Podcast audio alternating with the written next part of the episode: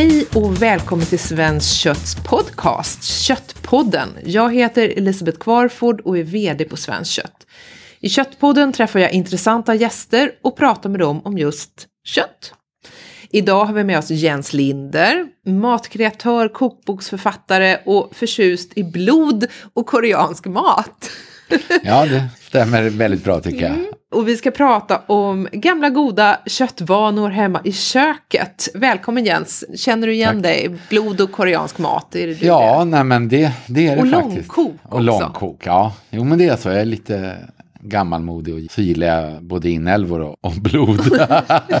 som det låter som ja. en skräckfilm. Mm. Men eh, en av mina koreanska favoriträtter är en soppa som skräpar och baksmällad. Som är en slags buljongsoppa med sjudet blod i. Mycket gott. Okej. Säljs i snabbmatbutiker i Korea så där är inställningen lite... Står det då att det här är mot? Ja, jag tror att till och med att direktöversättningen är liksom dagen efter soppa eller någonting. Men vem är Jens Linder egentligen? Alltså din så bakgrund och hur kommer det sig att du skriver om mat? Alltså jag är väl, var väl rätt mycket som en slags glasögonorm som läste mycket böcker när jag var liten. Så det var ingen som trodde att jag skulle bli kock. Men sen så tog jag ett sabbatsår från skolan och började jobba som diskare. Och efter ett tag så fick jag hjälpa kocken med olika saker och då blev jag biten. Jag har liksom pluggat lite litteraturvetenskap och lite sånt där också. Men det har växlat hela livet. Och så till slut då så blev jag matjournalist och då var det ju både de här, det här läsande skrivandet och det liksom handfasta matlagandet som kombinerade. Jag har haft tur med det, att båda mina huvudintressen kan jag hålla på med.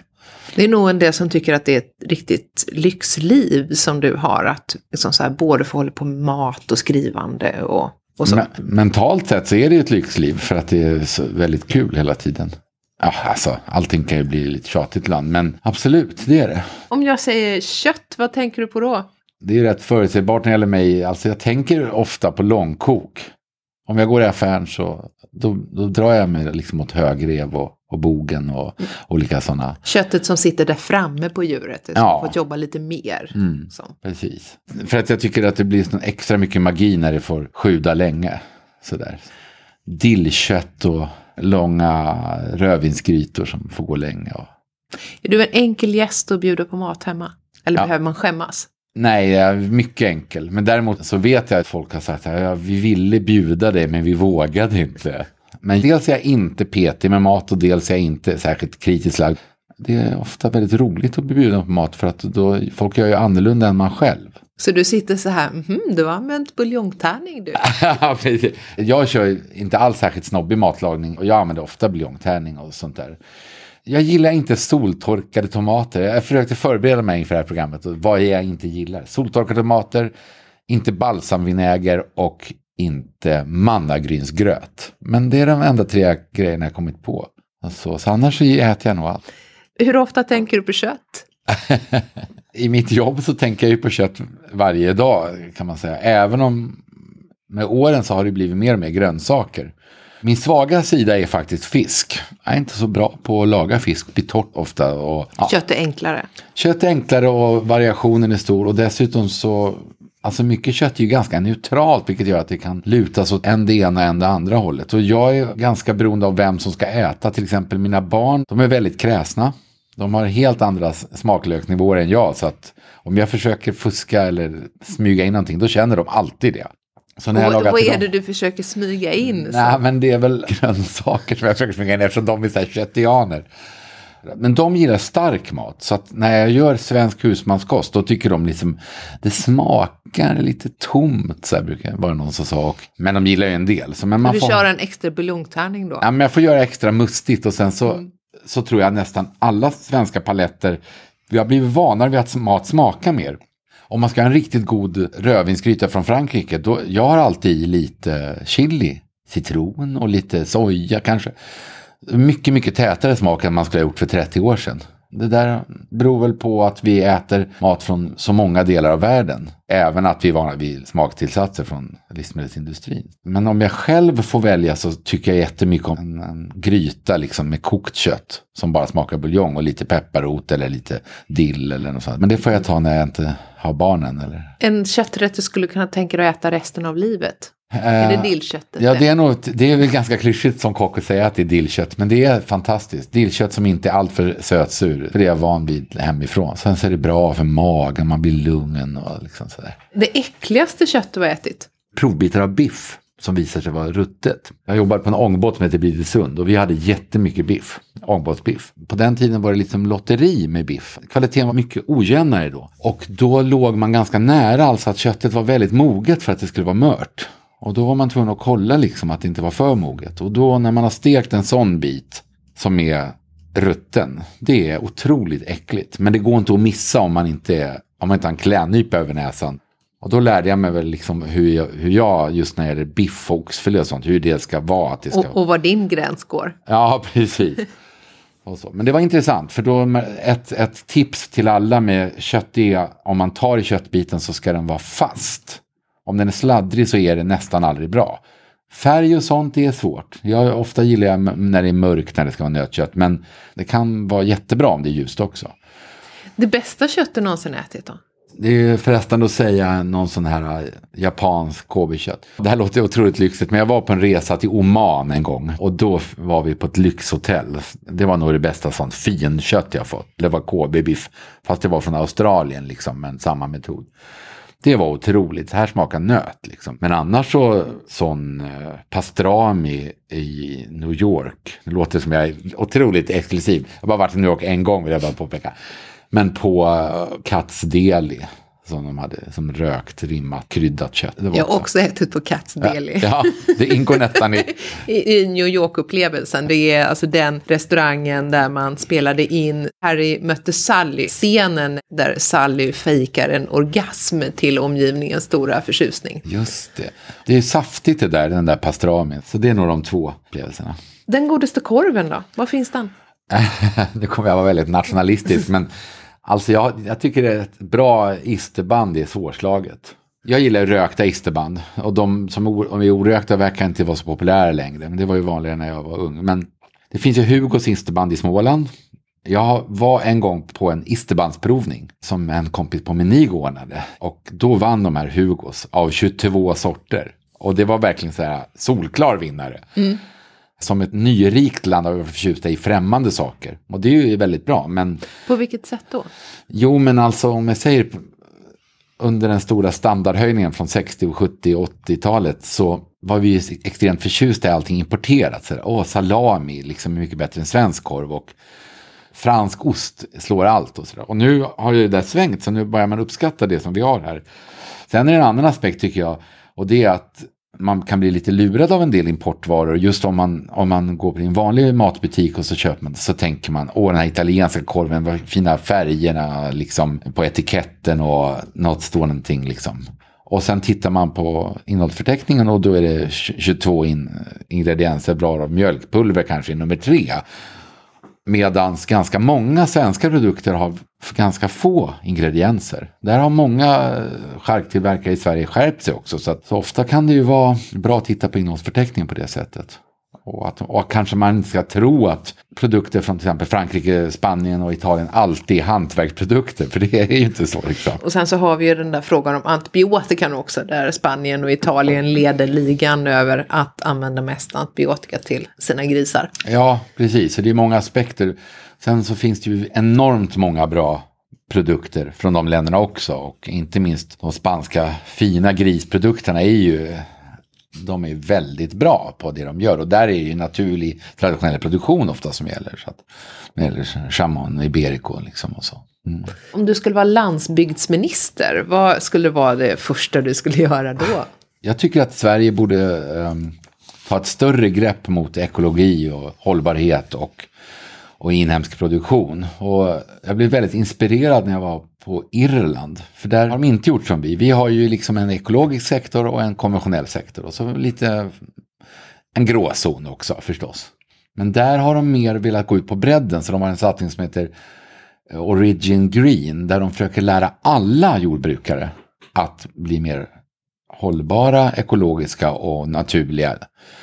Och det gör de med väldigt mycket uppmuntran, rådgivning och stöd. Så att ofta går det hand i hand. Man hittar metoder där jordbrukaren tjänar pengar på att strunta i eh, till exempel stödfoder av djur eller besprutning.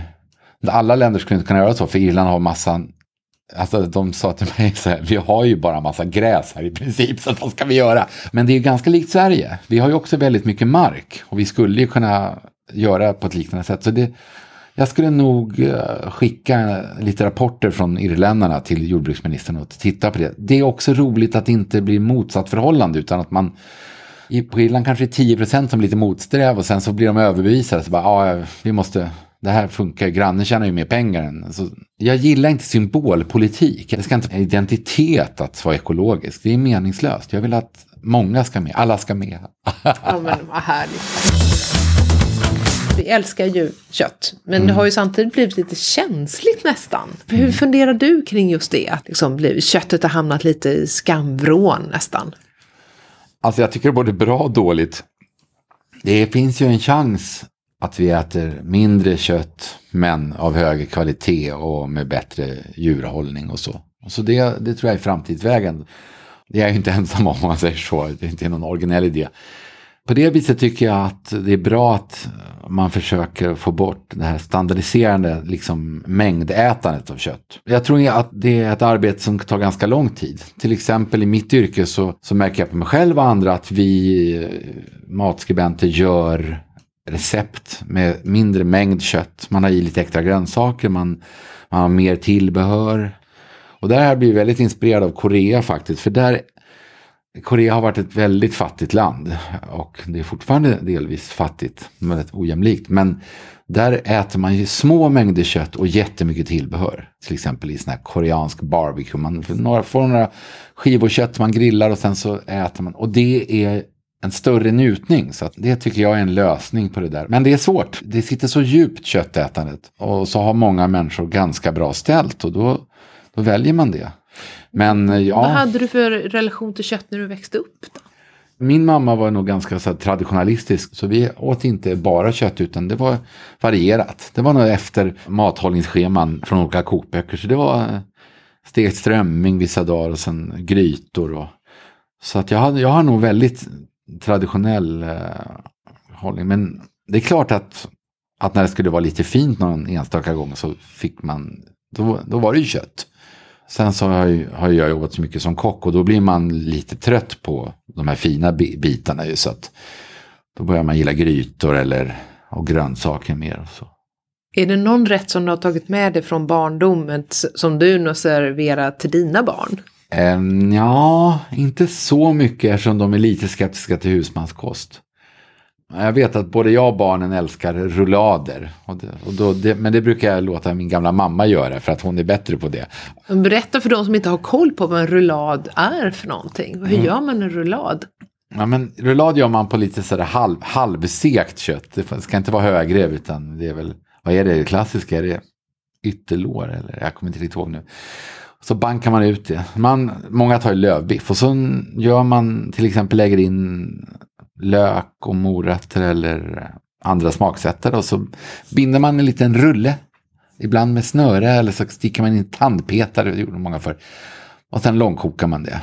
Är de på något sätt portionsmässiga då? Liksom ja, man en... får, ja, man får väl tre, tre fyra rullader per person. Mm. Sen, sen, är det väl ofta kokt potatis och lingon till och så en del har ju gräddsås, alltså att den kokar i grädde och buljong och en del. Det finns väldigt många varianter, men ja, det är väl inte så jättepoppis rätt tror jag, så därför det låter som att den är lite arbetskrävande. Men det är så mycket med långkokat. Ja, man kanske jobbar en kvart och sen puttrar det på. Men man slipper det här äh, stressen sista minuten och så. så att... mm. Var och när lär du dig nya saker om kött, tycker du? Liksom, var, var hittar du din inspiration och kunskap och så? Ja, men dels så, i jobbet så surfar jag jättemycket och, och så har jag massvis med kokböcker och så som jag läser i. Men den vanliga gången är egentligen att jag går i någon butik och hittar något som jag tänker, vänta ett tag, hur var det med den här grejen? Det här har jag inte lagat på år och dagar eller jag är inte riktigt säker. Och då så köper jag hem det och så surfar jag lite och kollar i böckerna och så lagar jag till någonting.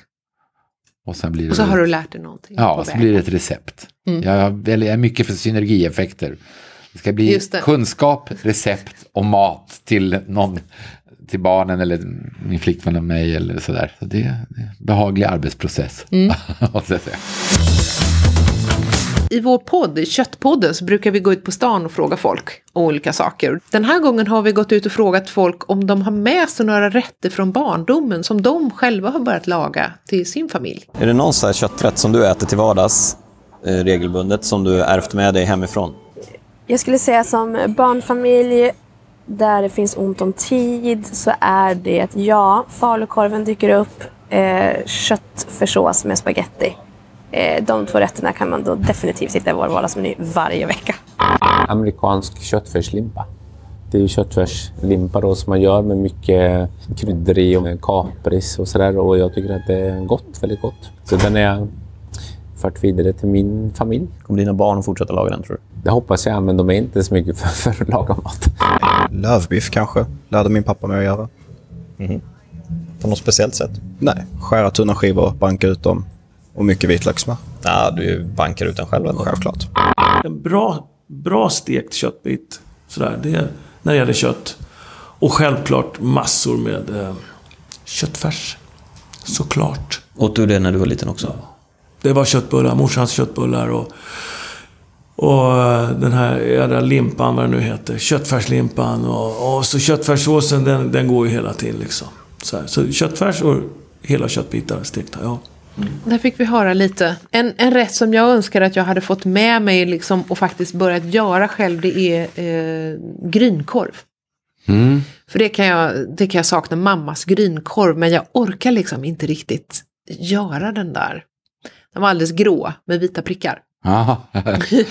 och, och egentligen tror jag att den smakar ganska mesigt. Men, men jag har väldigt, väldigt positiva liksom, minnen av den här grynkorven som var kall på julen. Så åt man den kall och skivad och sen så, den skulle naturligtvis vara kokt. Liksom. Kokt men, men kunde Men då vad är vara det, är det senapssås till? Eller, eller bara senap bara. senap? Ja. Ja. Ja.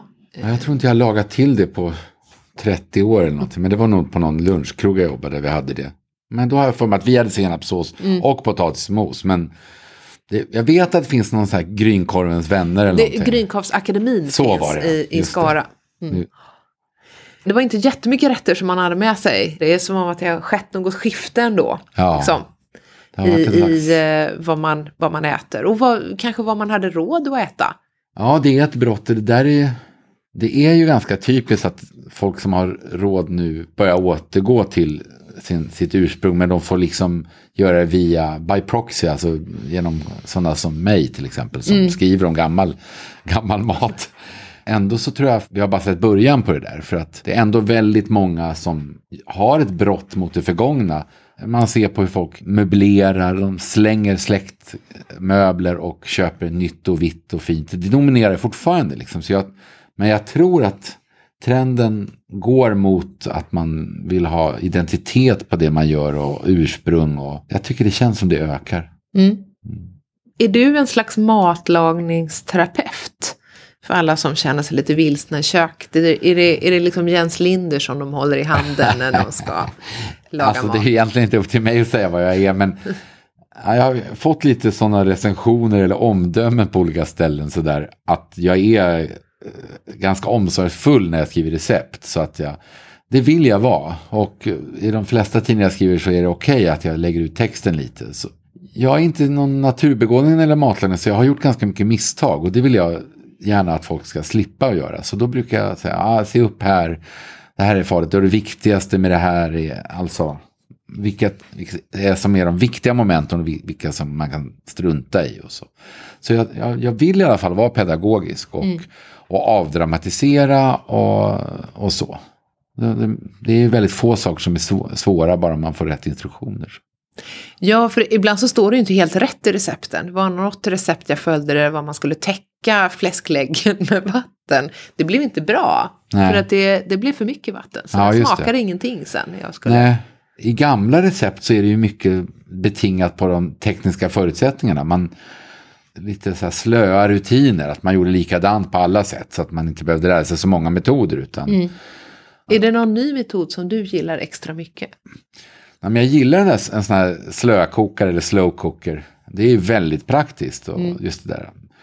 Och de har väl jag tror det har sålt väldigt många. Jag tycker det, det är varsamt och lågtemperatur, lågtemperatur överhuvudtaget. Ja.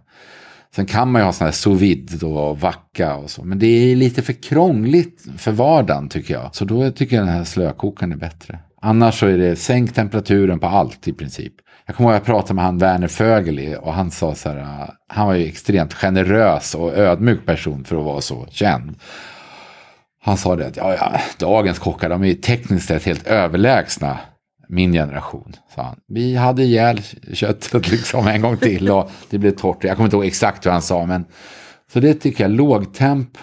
Man kan ju bryna köttet och sen lägga in det i ugnen på lågtemp. Det blir mörare, det blir saftigare. Det är nog det, det, viktigaste. Och att det fortfarande idag står väldigt mycket för höga temperaturer i kokböcker. Särskilt när man har varmluftsugn. Då kan man ju sänka med en 15 grader generellt. Den maskin jag använder mest är ju liksom köttkvarnen. Det är ju fantastiskt eftersom jag då är en en, envis motståndare mot sådana här Uh, vad heter det? Den här gasen som kött ja. Modifierad atmosfär då. Just det. Därför att jag är helt säker på att det, köttet tappar smak i det. Uh, alltså köttfärs. Mm. Det andra är, är säkert bra. Men, och då, det blir en väldig skillnad om man har nymald köttfärs. Vilka detaljer köper du då när du ska mala en köttfärs? När jag har mina söner eh, så blir det olika hamburgargrejer som, det ska, som vi ska äta. Och då köper jag ofta nötbog eller eh, högrev. Men det är för att jag kan putsa ganska bra. Eh, och, så då putsar jag bort senorna. Och sen har vi kommit fram till det senaste, i det att själva köttet maler vi på en väldigt grov skiva. Och sen fettet på en väldigt fin. Och sen mm. blandar vi det. Jaha, så ni blandar, ja. ja. Och då blir det så att, då kan man blanda färsen med ganska bra utan att den blir så smetig. Och så har, har den fortfarande den här faller isär konsistensen som en bra hamburgare ska ha. Liksom, mm. Så att det inte blir pannbiff eller forskningen fort, fort, fortgår. fortsätter. Ja, fortsätter. Hemma i det linderska köket ja, alltså. Precis, ja. ja. Alltså du har ju rest mycket. Vi har ju hört att du har varit i New York, ja, Oman och Sydkorea. Ja, droppat det. hur, ty hur, tycker du att uh, den svenska mattraditionen står sig i ett internationellt perspektiv? väldigt väl måste jag säga. Sverige har, i motsats till vad folk tyckte förut, eh, när jag var ung, de alla klagade på den svenska maten, så har vi en enormt rik tradition. Det beror ju bland annat på att vi är ett så vidsträckt land. Vi har ju så skilda mattraditioner. Ja, det finns en oändlig skatt att ösa ur och det tycker jag också att nysvenskar märker om man liksom bjuder dem på saker. Tänk bara våran brödtradition från tunnbröd i norr till eh, siktat, mjukt, härligt limpaaktigt bröd i, i Skåne och Halland. Visserligen så har det blivit utsuddat mot hur det var förr. För det var en medveten politik redan för ungefär 100, 120 år sedan att vi skulle ha en standardmat. Eh, det var då mycket av den här husmanskosten vi är vana vid proklamerades som rätt. Och då försvann en massa lokala grejer. Och vi har ju fantastiska råvaror, det måste man ju säga. Det var ju liksom när folk sa så här, vi har inga bra råvaror här i Sverige. Det sa, det sa man när jag var liksom 20-25. Då, då skulle man ju ha importvaror och de, i Frankrike har de så mycket. Så där. Men vi har ju våra bär, vi har våra svampar, vi har, vi har jättefint kött. Vi har ju bra grönsaker också. Och ja, jag kommer inte på allt, men det så du tycker att den här hypen kring den svenska maten, den, den är helt rätt alltså? Ja, jag tycker faktiskt det.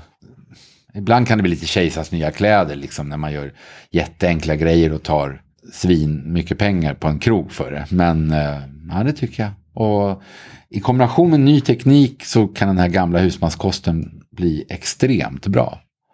Är det något som du tycker att vi borde försöka exportera? Är istbanden en exportprodukt? Jag tror att den är svår att exportera. Jag tror det kräver liksom en slags in, invänjning. På råvarusidan borde vi ju komma igång med en bärproduktion och en svampproduktion. Det borde ju subventioneras. För det är ju, vi, vi köper ju massa bär utomlands ifrån. Tycker jag, där borde man kunna göra någon slags arbetsmarknadspolitiska åtgärder faktiskt. Och de räknar med att det är 2, 3, 4 procent av svampen, av den ätliga svamp som plockas varje år. Det måste ju finnas potential liksom. I övrigt så, så har vi ju massa bra bröd också. Det exporteras ju en del. Då menar jag inte såna här liksom bake-off som, man säljer, som vi säljer till Frankrike mycket, utan då menar jag tunnbröd, knäckebröd och även de här som jag gillar väldigt mycket, såna här äh, skollat skållat siktbröd. Som, alltså de egentliga limporna, limporna som görs på ett bra sätt. Alltså tunnbröd, om man tänker sig, som jag gillar, torrt tunnbröd, sån här krispigt. Om man tänker sig att vi inte hade det här och så skulle någon säga det här är en delikatess från Japan.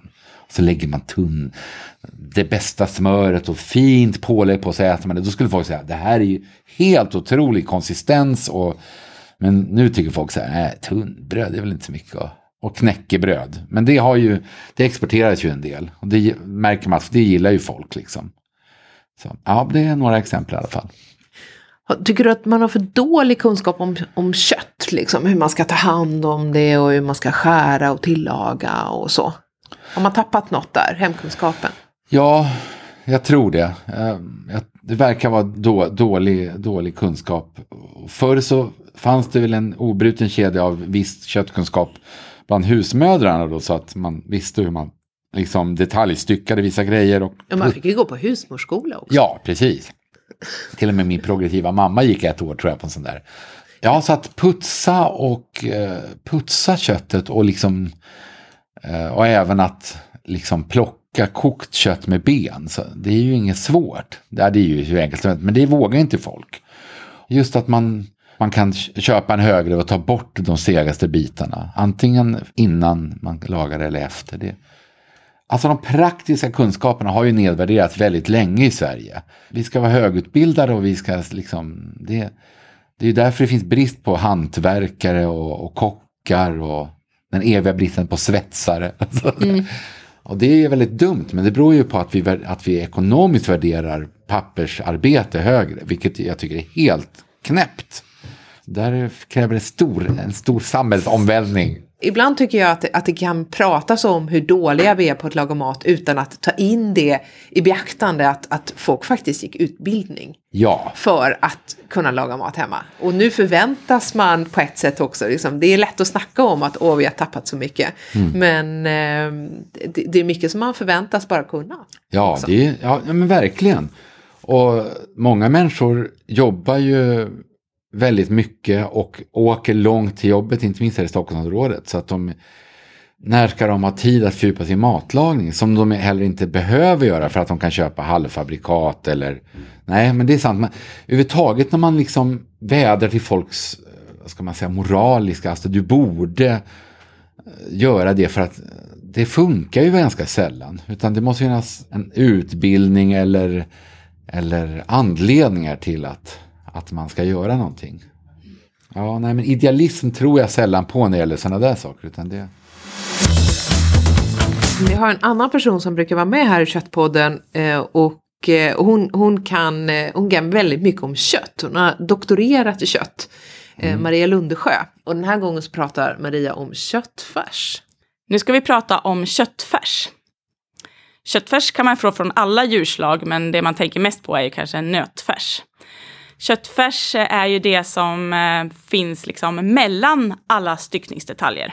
Man får ut ungefär 30 procent av köttet på en slaktkropp är de stora styckningsdetaljerna. Biff, filé, entrecote, ytterlår, innanlår, högrev, bog. Sen så är resten liksom sånt som inte går att använda som en hel styckningsdetalj. Och då blir det till exempel charkråvara. Det kallas för nöttrea den har ungefär 23 procents fetthalt och är det som används för att göra köttbullar och korv och sånt. Sen så får man en annan sortering som kallas för nöt-tvåa eller köttfärskött. Och eh, det är det som butikerna använder för att eh, göra den köttfärs som mals i butik. Eller styckningsföretagen används, använder den för att eh, göra köttfärs eh, som säljs sen. Och den här sorteringen innehåller max 12 procent fett eh, som standard. Eh, och det, det finns det EU-lagstiftning som reglerar hur man får märka vilken fetthalt det ska innehålla och hur mycket det får variera. Eh, och det är därför som vi i Sverige har eh, köttfärs som är 10-12 procent fett i butiken. Eh, nu börjar det komma lite andra sorteringar också med 20% fett och så tycker man att Åh, den här färsen som var billigare, den var ju godare. Och det beror ju på att fett bär smak. Så att det är ju mindre kött i den eh, köttfärsen, men eh, mer fett och därmed eh, bär den smak bättre. Det är också därför som högrevsfärs eh, är mer smakrikt. Dels är högreven en smakrik köttdetalj och sen innehåller den mer fett. Oxfilé blir ju inte så jättebra köttfärs eftersom den är väldigt mager. Så det blir en väldigt mager eh, färs. Eh, där kan man ju se också andra magra färser i till exempel viltfärs. Älgfärs är ju väldigt magert och det är för att älgen är väldigt mager. Fläskfärs är ju oftast fetare och det är för att grisen innehåller mer fett, eller man använder mer fett från grisen traditionellt sett. Eh, och lammfärs är lite mittemellan. Blandfärs är när man blandar nötfärs och fläskfärs i olika förhållanden. Man kan blanda 50-50 eller 70-30. Eh, lite grann beroende på tradition och eh, område i Sverige. Vi äter traditionellt sett mer fläskfärs i de södra delarna av Sverige. Äter du mycket fläskfärs? Inte så mycket som jag skulle vilja. Nej, men jag, jag tycker jättemycket om den här 50-50 blandningen. Man ska ha köttbullar till exempel. Det blir så himla gott. Mm. Men jag är nog lite feg när det gäller att använda bara fläskfärs. Det borde man nog göra lite oftare. Det ska jag skriva ner på prova. Jag, är, jag gillar fläsk, alltså griskött jättemycket. Det är verkligen så här, om jag var tvungen att välja så skulle det bli gris istället för eh, kossa faktiskt. Då kan jag ju nästan så här be dig Jens ta fram bra fläskfärsrecept. Det är lite liksom så här, vad, vad ska man göra? Liksom? Ja, men det skulle jag, jag skulle jättegärna göra lite fläskfärsrecept. eh. Det skulle vara väldigt gott med lite starkare smaksättning. Jag, jag tror man skulle kunna ta så mexikanska, alltså genuin mexikansk eh, smaksättning. Eller koreansk för den delen. Kinesiskt och, och sen. sen det, Nu blev jag hungrig. Ja, jag, jag, jag är så hungrig så att... Nej. Sen så är det lite roligt, alltså det, några gånger har jag gjort, har jag gjort fläskgryt, eller alltså grisköttsgrytor med indisk smaksättning. Mm. Och det har varit jättegott. Och nordafrikansk också. Så. Men det är ju helt fel, alltså det är inte så bra. Man får ju vara noga med att man inte bjuder någon muslim då som tror att man har gjort en nordafrikansk gryta. Men, men indisk tror jag kan funka ganska bra. Liksom. Ja. Särskilt om det är mer åt Vindaloo-hållet och så. För det var ju en portugisisk rätt från början. Ja, just det. att- Precis, som kommer från ordet för ja, vinäger och, och vin. Ja, just Mm. det. Ja, men det, de få gånger jag har gjort det har det varit jättegott. Och sen just de här aromatiska kryddorna är fantastiskt till gris. Mm. Mer än till nöt faktiskt. Jag tycker att vi är lite för rädda för att äta griskött. Det är så här på något sätt att nöten har fått ta över som Ja. sån här högstatus kött och så gris, liksom, ja vad ska vi göra med den? Ja det blir lite kotletter och fläskfilé och, och, Mm. Och så. Jag tycker du har helt rätt där. Och, och grisen är också ofta mer robust i matlagning. Alltså det är svårare att få den torr. Det är mer garanterat resultat. Alltså sidfläsk, det är ju helt otrolig råvara. Jag var uppe på gästspel i Storlien på en restaurang som heter Flamman. Och då lång, långrökte vi fläsk och körde lite i ugn tills det var helt sådär så att det bara rasade samman. Äh, det var ju hur gott som helst. Eh, Jag blir alltid så himla glad över just sidfläsket. Om man ska säga så här vilken köttbit du tycker sådär är, är mest, eh, man får mest för pengarna. Liksom. Att det är, man ska kanske gå och, och botanisera på det lite ljusare köttet som i, i butiken. Mm, ja, och just det ganska fettrika fläskköttet. Menar, det kan ju också vara kotletter med en riktigt härlig eh, fettkappa. Fettkappa. Mm. Och, men jag får liksom skärpa mig så att jag inte alltid köper rimmat eller färskt eh, sidfläsk. Där jag bor så säljer de ganska För du har så mycket svårt färs- att hejda dig. Ja, jag tycker det. Ja, men det här är ju... Det blir min standardlösning. Och det går, ja, vi äter också det till sån här koreansk barbecue. Att man, man lätt fryser sid, sidfläsket och skivar. Nu har jag en skärmaskin. Så att, men det går ju också med en vaskkniv. Och så bara grillar man det. Och sen har man massa grönsakstillbehör. Är det ett bra tips alltså att om man vill skiva någonting tunt att man fryser in det först Ja. lite så att det blir hårt sen Ja. när man ska ställa sig. För ibland så som köttet vill ju glida iväg och så när man ska Precis, skära och det. det- ja. När det är färskt. Ja, och sen att man ska ha en vass, lång kniv. Den traditionella skinkkniven, en smal, lång kniv. Det är väldigt bra att ha en sån. Annars är inte jag mycket för att man ska ha massvis med olika knivar. Men, Men det, den är väldigt bra. Mm. En traditionell skinkkniv från något tyskspråkigt land skulle jag rekommendera. Så att inte, är, man ska inte ta fram den stora kockkniven då, alltså när man ska ställa sig och skiva Det går ju, men det är lättare med, med... Det är därför man har att laxknivar är tunna till exempel. Mm. Det är lättare att få en jämn skiva. Men det går ju alltså... Kan man, om man har en laxkniv hemma, kan de använda den för att skära kött? Ja, det skulle man kunna göra om den inte är för, för flexibel. Det finns de som är väldigt böjliga. Men Mm. eh, det skulle man faktiskt, det var en jättebra idé. Nej, men sen kan man ju be dem skiva, eh, skiva tunt på affären också. Det är ju fler butiker som har fått tillbaka skärmaskinerna. Och det är ju, Man får passa på att utnyttja det. Ja, Som att, precis. här, mm. Har du någon sån här smart smaksättning som alltid funkar? Är det piffig allkrydda? Nej, du menar till kött då? då? ja. Man kan ju säga massa saker som senap till exempel och så. Men något som jag tycker är underskattat det är senapsfrön och korianderfrön. Och det är ganska ovanligt. Men det, det, det brukar jag stöta i mortel och så brukar jag eh, ha det ovanpå kött som ska in i ugnen. Lite som en, som en slags rub då? Ja, alltså, en rub med salt. Och för ap- korianderfrön har en lite apelsinaktig arom som passar till nästan allt kött. Det blir och friskar ju upp. Och senapen har det här lite som man kallar det för pikant för. Som, det är nog den enda matgröten som ska använda den termen fortfarande. Men, så här, eh, men det är som pepparrot eller wasabi eller... Så det, det, och så, Lite sting. Ja, lite Sådär. sting, precis. Och sen så kanske svartpeppar på det också. Det var kanske inte det lättaste, lättaste. annars så, så Ja, men tar det var jag... ett tips. Ja, Eh, jag menar, det, man vet ju aldrig heller vad folk har hemma i skåpen för att man har ju kanske någon gång köpt någonting liksom. Så Ja. att man kan ju gå hem. Nej men titta jag hade ju det. Ja, just de där korianderfröna kanske man har använt till någon, någon speciell grej och så står de där och de är ganska hållbara och senapskornen Mm. håller i evighet så att det är också lite snott från sån här östeuropeisk amerikansk tradition. Jag använder mycket mindre örter nu i matlagningen sen jag, jag är inte lika liksom, vad ska man säga, frankofil längre som man var när man började. Utan jag tycker det är intressantare att titta på, vad, vad gör de i Polen eller Inte så mycket provençal. Nej, jag blev liksom trött på det. Mm. Vitlök och örter liksom. Men alltså, det är ju jättegott. Men, men som matskribent så är man väl lite rastlös. Så att man går vidare och Du har kikat en del på estnisk mat också, eller hur? Ja, jag har varit där ganska mycket. Det, Men vad är det som präglar estnisk mat då?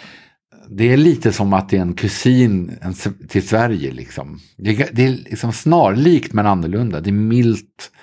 Det är långkok. Om vi nu pratar om den traditionella maten. Så där. De har en semmelvariant. Eh, med hallon, hallonsylt är det väl. Och alltså de har, dels har de en väldigt spännande restaurangkultur som är modern och som är vä- väldigt underskattad. Men även den traditionella maten är, ja det är långkok till potatis, det är gurka till förbannelse.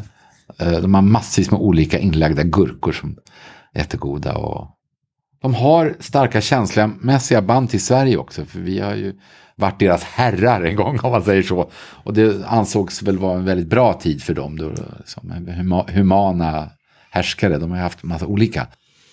Det finns ju massa matlagningstekniker som steka, rimma, grava, grilla, konfitera, brasera, koka. Du har ju berättat att du har testat en hel del matlagningstekniker. Är det någon som du tycker sådär, som du verkligen vill slå ett slag för, som du tycker borde komma tillbaka? När det gäller kött så tycker jag att man kan rimma själv mycket mer. Eh, Jag tycker det är lite läskigt. Jag provade och så blev jag rädd och så vågade jag liksom inte riktigt. Jag provade att rimma fläsksida Ja, vad- själv. Nej, men jag blev bara orolig för att jag hade gjort något fel och att, att det hade liksom blivit stående för länge eller... Ja, men det är ju ganska... Då var det i vätska i saltlake eller var det torr, Nej, jag hade liksom torrrimmat? Ja, torrrimmat och satt i någon pre, liksom försökt att trycka ihop det och, och så. Det bru- alltså salt är ju väldigt, det är väldigt bakterier, liksom, fiende mot alla mikroorganismer. Så det ska, jag har väldigt sällan misslyckats. Men jag gillar att lägga saker i saltlake, det tror jag är säkrare också.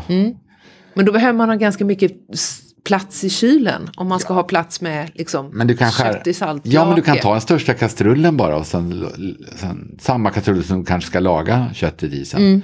Och så Jaha, det behöver inte ligga så länge, det är inte flera dagar vi talar om. Ja, men alltså. ibland så är det fem dagar, men det går ju också om det är mindre bitar så kan man korta ner det. Men jag tycker det är roligt. Men det kanske inte är så himla användbart. Det är väl lite mer för nördarna. Annars måste jag säga att av gamla tekniker så är det en teknik som inte berör kött så mycket. Som jag tror kommer, eller vet att det blir mer och mer populärt. Och det är ju att fermentera eller syra grönsaker. Ja, men vi gör istbanden. Ja, precis. Absolut. Och jag har ätit eh, eh, någon slags konstigt fermenterad biff i, i Korea. Så, som jag överlevde. Det var väldigt gott. Men, mm, men det tror jag alltså, om vi nu ska ändå ska hålla oss lite till, till kött här, så är det ju fantastiskt tillbehör med olika syrade grönsaker. Och då kan man ju antingen göra sådana koreanska kimchi-varianter eller surkål, men man kan också lä lägga sig någonstans mitt emellan, vilket jag gör ganska ofta. Att jag, jag gör sy syrar, blandade grönsaker, men med några få kryddor bara. Som, nu har jag i kylen några burkar med pepparrotssyrade syrade rödkål. Mm -hmm. Som jag tror mycket på. jag har inte smakat du, du bara väntar på att den ska liksom bli redo. Ja, men precis. Den mm. måste stå åtminstone en vecka. Men, jag, så, men det, det är kanske färgat av att jag, jag har nördat, jag är liksom väldigt innördad på att syra grönsaker. Och det är så himla enkelt också. Så man bara... Vi har ju den svenska traditionen med, med ättika. Ja. Det är ju vår liksom, syrningstradition. Ja, det är det. En slags pickling istället. Mm. Det är ju fantastiskt. Inte så jättegammal som man kan tro. Det är liksom ättika uppfunnen på 1800-talet. Men, men innan tror jag man använde... Alltså, och kopplat till vår större, stora sockerkonsumtion som också kom igång på Precis. 1800-talet. Det var det här sötsura. Det var liksom 1800-talets... I, I Estland så kallas saker som är väldigt söta mat, här, som sill eller gurka, det kallas för svenskt. Liksom. Ska mm. du ha svensk gurka? Ja, men då är det den här, den här ättiksgurkan med mycket socker.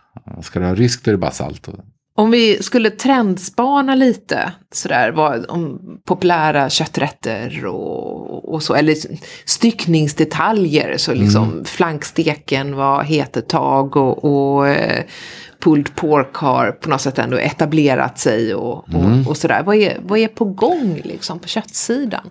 Jag gissar att du egentligen vet, det här, vet, vet, vet mer om sånt än jag, men det är inte säkert. Men alltså jag, jag tror jättemycket på, på alltså, re, revbensspjäll från nöt då. Mm. Short ribs.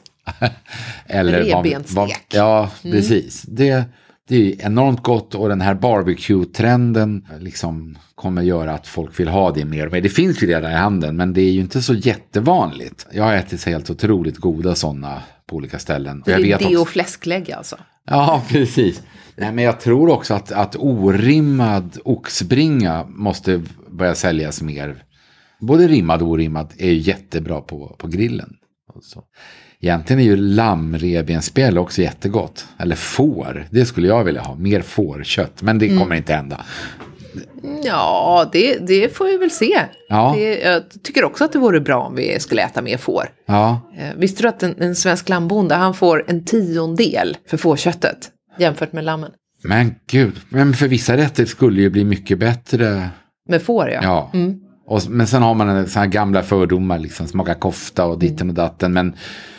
Smaka mer, gör det. Ja, och då kan man ju bara friska upp maträtterna med till exempel lite ättika mm. eller med mera pikanta grejer. Eller kryddor, ja. som indisk, ja, indisk mat till exempel. Mm. Ja, jag vill ha fårkött. Mm.